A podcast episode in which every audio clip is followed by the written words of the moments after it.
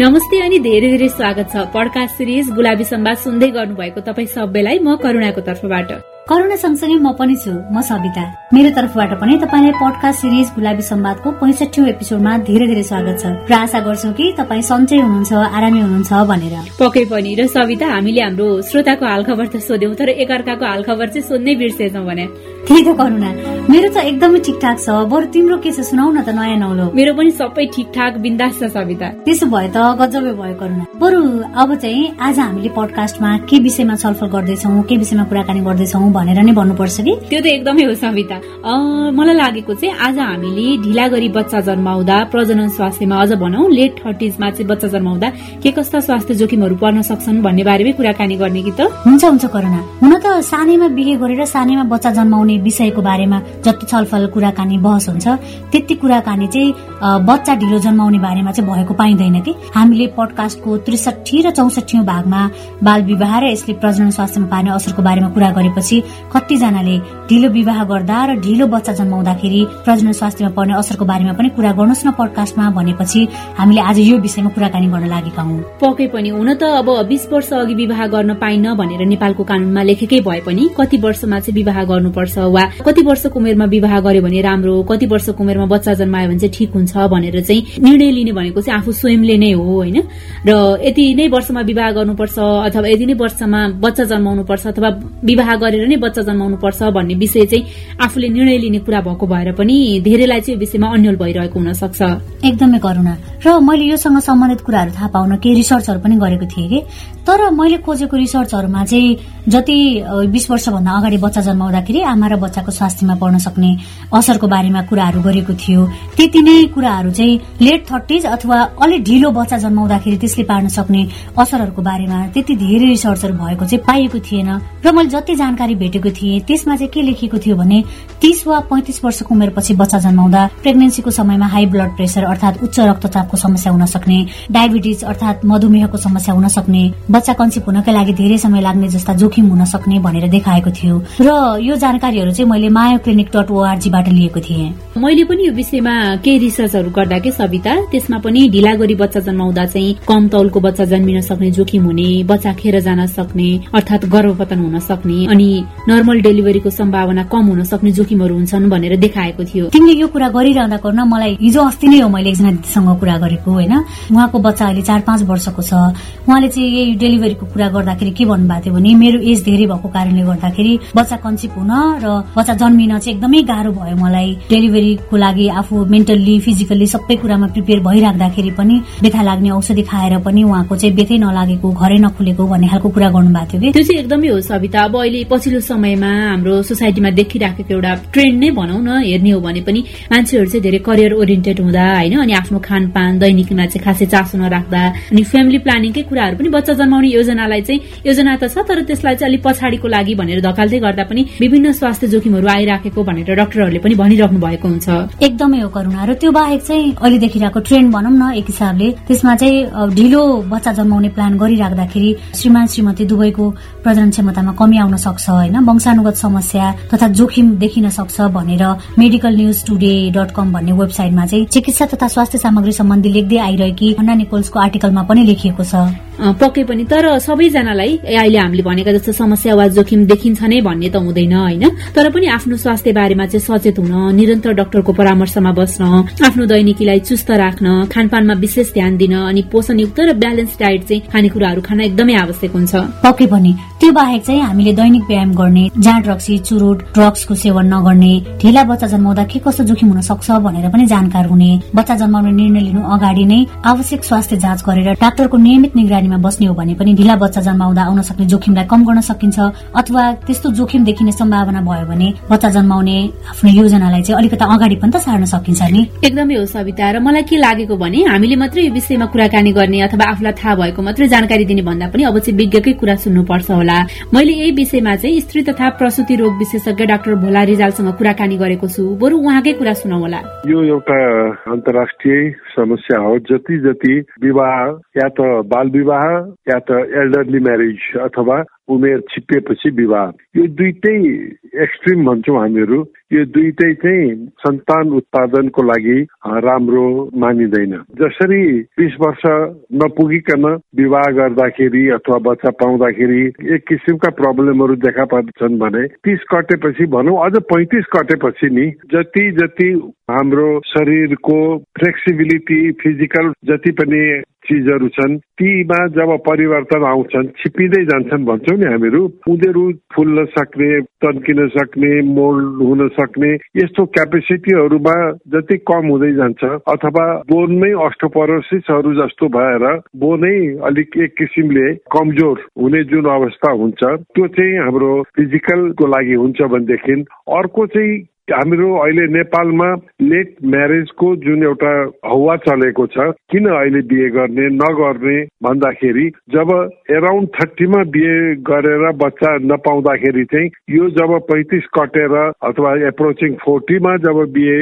हुन्छ र बच्चा पाइन्छ त्यतिखेर एक त पाउन अप्ठ्यारो दोस्रो कुरो कन्सेप्सन हुनको लागि जसरी डिम्बाशयबाट डिम्ब निस्किन्छ त्यो डिम्बको क्वालिटीमै पनि कम्प्रोमाइज हुन सक्छ डिम्बै फर्टिलाइज नहुने हुन सक्छ भनेदेखि फर्टिलाइज भनेको सेचन भएको अन्डा त्यो चाहिँ खराब भएर पछि सन्तानै बिग्रिने डर हुन्छ। अब विशेष गरेर चाहिँ चालिसको हाराहारी अथवा कटेपछि हुने बच्चाहरूमा चाहिँ जुन क्रोमोजोमल वंशाणुगत एनोमली जुन आउँछ हाम्रो क्रोमोजोम भन्छौँ हगि यो चाहिँ ट्राइसोमी ट्वेन्टी वानहरू भयो। अरू पनि जति पनि मेटाबोलिक डिजिजहरू भए डाउन सिन्ड्रोम भन्छौँ सुस्त मनस्थितिका बच्चाहरू जन्मिने इडिएट भन्छौँ हामीहरू जिब्रो बाहिर निस्किराख्ने आँखा बाहिर निस्किने एक्जम फेलेसहरू त्यस्तो खालको बच्चाहरू चाहिँ अथवा अरू पनि शारीरिक अपाङ्गता भएका बच्चाहरू जन्मिन सक्ने सम्भावना चाहिँ धेरै हुन्छ। हजुर जस्तै नेपालमा चाहिँ यसो ढिलो गरी बच्चा जन्माउने अझ भनौँ चाहिँ लेट थर्टी फाइभ पछि बच्चा जन्माउनेहरूको संख्या चाहिँ के कस्तो छ? त्यस्तो खालको अहिले हाम्रो आँकडा मलाई लाग्दैन कसैले निकालेको होला भन्ने तर नेपालमा नर्मल डेलिभरीहरू अथवा डेलिभरी गर्ने सरकारी गैर सरकारी निजी संस्थाहरू मध्येमा सबभन्दा बेसी प्रसुति गृह नै हो। त्यसपछिको मलाई लाग्छ भरतपुर हुन सक्छ जुन भए पनि हामीले चाहिँ त्यहाँको डाक्टर साहबहरूसँगको जसरी इन्टरेक्सन गर्छौँ सोध पुछ गर्छौँ के छ कस्तो छ भेट हुँदाखेरि पनि हाम्रो सल्लाह त्यही नै किसिमको हुन्छ। र उहाँहरूको भनाइ अनुसार पनि जुन चाहिँ दुई किसिममा क्याटेगोरिज हुन्छ। जस्तो एउटाले तिस वर्षमा एउटा बच्चा पायो पैँतिस वर्षमा एउटा बच्चा पायो फेरि चालिस वर्षमा एउटा बच्चा पायो हगि उनीहरू पाउँदै पाउँदै पाउँदै पाउँदै गएका दुईटाले पुगेन अथवा केही घटना भयो अनि तेस्रो बच्चा पायो जसको चाहिँ चालिस वर्षमा भयो होइन? त्यो भन्दा जो एकैपल्ट पैँतिस वर्ष लेट म्यारेज गरेर चालिस वर्षमा जुन बच्चाहरू पाउँछन् मानसिक रूपमा पनि उनीहरू पुरा ब्यालेन्स नभएर अथवा कुनै त्यस्तो मानसिक तनावको कारण अथवा पहिली बच्चा जति ट्राई गरे पनि बच्चा नै पाएन पाएन पाएन एकैपल्ट गएर चालिसको हाराहारीमा बच्चा पाउँदाखेरि चाहिँ अलिकति पाउन सक्ने क्षमता पनि कम हुन्छ र उनीहरू मानसिक रूपमा पनि त्यति ज्यादा सन्तुलित हुँदैनन्। धेरै चिजहरूले हुन सक्छ एजले गर्दाखेरि परिवारले गर्दाखेरि माहौलले गर्दाखेरि पनि उनीहरूलाई चाहिँ सधैँ पिरोलिरहेको हुनाले उनीहरूको जुन एउटा सबै चिज सहन सक्ने जुन क्यापेसिटी हुन्छ त्यसमा पनि अलिकति असन्तुलन भएको हुनाले हामीहरूले चाहिँ कोही त्यस्तो छ भनेदेखि चाहे धेरै बच्चा पाएर उसले चालिस कटेको होस्। हामी त तिस चालिस पनि कटाउँदैनौँ। तिसभन्दा माथि लागेका त जुन छन् नि तिनीहरूलाई त यो क्रोमोजोमल टेस्टहरू हामी त एडभाइस गरिहाल्छौँ क्या। त्यसकारण अब चालिस भनेको चाहिँ धेरै बच्चा पाउँदा पाउँदा गएकाहरू बच्चा नअडेका होइन बच्चा खेर गएका धेरै भएकाहरू हुन्छन्। म्यारेजै लेट गरेर लेट म्यारेजको कारणले चालिसमा बच्चा पाउनेहरू भए अर्को चाहिँ धेरै बच्चा पाउँदा पाउँदा पाउँदा पाउँदा मल्टिग्राभिडा भन्छौँ हामीहरू। त्यो भएर बच्चा पाउने उनीहरू हुन्छन्। त्यसकारण यो दुइटै ग्रुपमा चाहिँ हामीहरूले के देख्छौँ भनेदेखि एबनर्मलिटीहरू जुन बच्चामा आउन सक्ने जुन सम्भावना छन् त्यसलाई चाहिँ हामीहरू नकार्न सक्दैनौँ। त्यसकारण जतिखेर समय अनुकूल राम्रो हुन्छ समय बितेपछि त्यति राम्रो हुँदैन।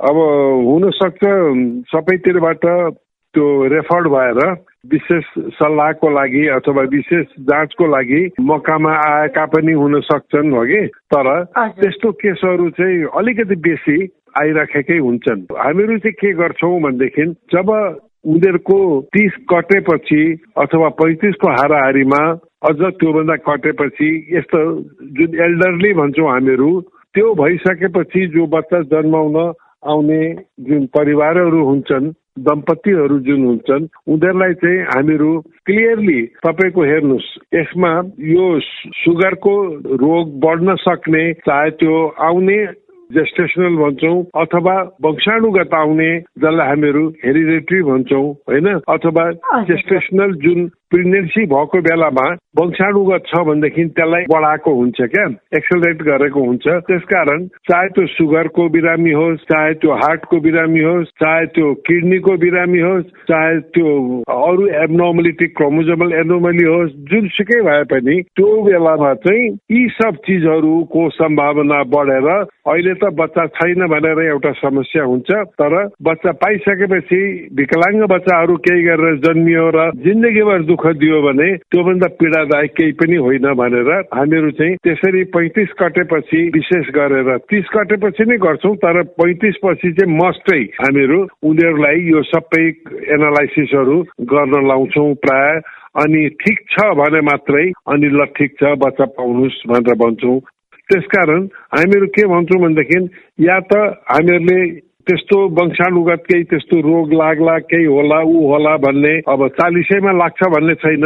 पैँतालिसैमा पाएका बच्चाहरू पनि नर्मल छन् तर त्यसको लागि चाहिँ हामीहरूले सबै जाँचहरू गरेर पाउँ होइन भनेदेखि हामीहरूले ओभम डोनेसन गरेर यङ ओभम लिएर त्यो आमाको जुन पैँतालिसतिरको चालिस बयालिसतिरको जुन डिम्बाशयबाट निस्किने डिम्बा जसमा चाहिँ केही विकार हुन सक्ने अथवा खराबी आउन सक्ने जुन सम्भावना हुन्छ त्यसलाई चाहिँ बाइपास गरेर अर्को डिम्बा लिएर हामीहरूले इन्भिट्रो फर्टिलाइजेसन आइडिएस गर्न मिल्छ।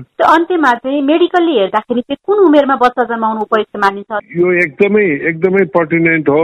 सबभन्दा राम्रो उमेर मलाई सोध्नुहुन्छ भनेदेखि चाहिँ पच्चिसदेखि तिसको उमेर जुन छ त्यो चाहिँ महिलाहरूको लागि सबभन्दा राम्रो बिहे गर्ने र बच्चा जन्माउने उमेर हो। ढिला गरी बच्चा जन्माउँदा अझ भनौ लेट थर्टिजमा चाहिँ बच्चा जन्माउँदा हुन सक्ने समस्या तथा जोखिमहरूको बारेमा जानकारी गराइदिनु भएकोमा स्त्री तथा प्रसुति रोग विशेषज्ञ डाक्टर भोला रिजालाई धेरै धेरै धन्यवाद। उहाँले भन्नुभयो जस्तै यदि तपाईँले बच्चा जमाउने योजना बनाउनु भएको छ तर अलि ढिला मात्रै बच्चा जमाउने योजना छ भने बेलैमा डाक्टरको सल्लाह लिएर निरन्तर परामर्शमा बस्नुहोला। आफ्नो स्वास्थ्य अवस्था आफ्नो प्रजनन क्षमताको बारेमा जानकार भइराख्नुहोला भन्दै आजका लागि पडकास्ट सिरिज गुलाबी सम्वादको पैसठी भागबाट विदा माग्नु नै पर्छ होला करुणा। पके पनि सविता र विदा माग्नु अघि चाहिँ पडकास्ट सुन्दै गर्नुभएको तपाईँलाई नै सोध्न मन लाग्यो। आज चाहिँ हामीले ढिलो गरी बच्चा जन्माउँदा प्रजनन स्वास्थ्यमा पर्न सक्ने असरको बारेमा गरेको छलफल तथा कुराकानी कस्तो लाग्यो? आफूलाई लागेको कुरा हामीलाई लेखी पठाउन चाहिँ नबिर्सिनु होला त्यसको लागि हाम्रो इमेल रहेको छ Gulabi Sambad at Gmail dot com G U L A B I S A M B A D Sambad at Gmail dot com अथवा हाम्रो सोसियल मिडियाहरू पनि छन् फेसबुक ट्विटर टिकटक इन्स्टाग्राम र युट्युबमा पनि हामीलाई गुलाबी सम्वाद सर्च गरेर भेट्न सक्नुहुन्छ र त्यहाँ पनि हामी प्रत्यक्ष अथवा अप्रत्यक्ष रूपमा छलफल तथा कुराकानी गर्न सक्छौ। पक्कै पनि। र त्यो बाहेक तपाईँले हाम्रो कार्यक्रम तथा किशोर किशोरीले लेख्नु भएको गुलाबी उमेरका आफ्ना भोगाईहरू website W dot Gulabi Sambad dot com र हाम्रो blog W dot Gulabi Sambad dot पनि प्रकाशित छन्। ती सामग्री पनि तपाईँले पढ्न सक्नुहुनेछ र आफ्नो पनि त्यस्तै अनुभवहरू छन् भोगाईहरू छन् र हामीसँग सेयर गर्न मन लागेको छ भने लेखेर वा रेकर्ड गरेर हामीलाई हाम्रो विभिन्न ठेगानाहरूमा पठाउन सक्नुहुनेछ। तपाईँले हाम्रो यस पडकास्ट श्रृंखला गुलाबी सम्वाद अट इन stock anchor dot FM A N C H O R dot एफएममा गएर Gulabi Sambad teen talk search गरेर पनि सुन्न सक्नुहुन्छ। त्यस्तै हाम्रो पात्रमा गएर पडकास्ट फिचर्समा गएर गुलाबी सम्वाद सर्च गरेर पनि सुन्न सक्नुहुन्छ। हाम्रो त्यहाँ नयाँ तथा पुरानो एपिसोडहरू सबै राखिएको छ। पक्कै पनि। र त्यो बाहेक देशभरिका विभिन्न उन्चालिसवटा स्थानीय रेडियो स्टेशनबाट हप्तैभरि विभिन्न समयमा हाम्रो पडकास्ट गुलाबी सम्वाद प्रसारण भइरहेको छ। आफूलाई पाएक पर्ने स्थानीय रेडियो स्टेशनबाट पनि कार्यक्रम सुन्नुहोला। र तपाईँले अहिले कुन रेडियो स्टेशन या त कुन अनलाइन प्लेटफर्म मार्फत हामीलाई सुन्दै हुनुहुन्छ भनेर जानकारी गराउन पनि नभुल्नुहोला भन्दै आजका लागि गुलाबी सम्वाद अटिन स्टकको पैसठी भागबाट हामी दुई सविता र करूणा विदा माग्छौ। नमस्ते। अर्को श्रृंखलामा पुनः भेट्नेछौ।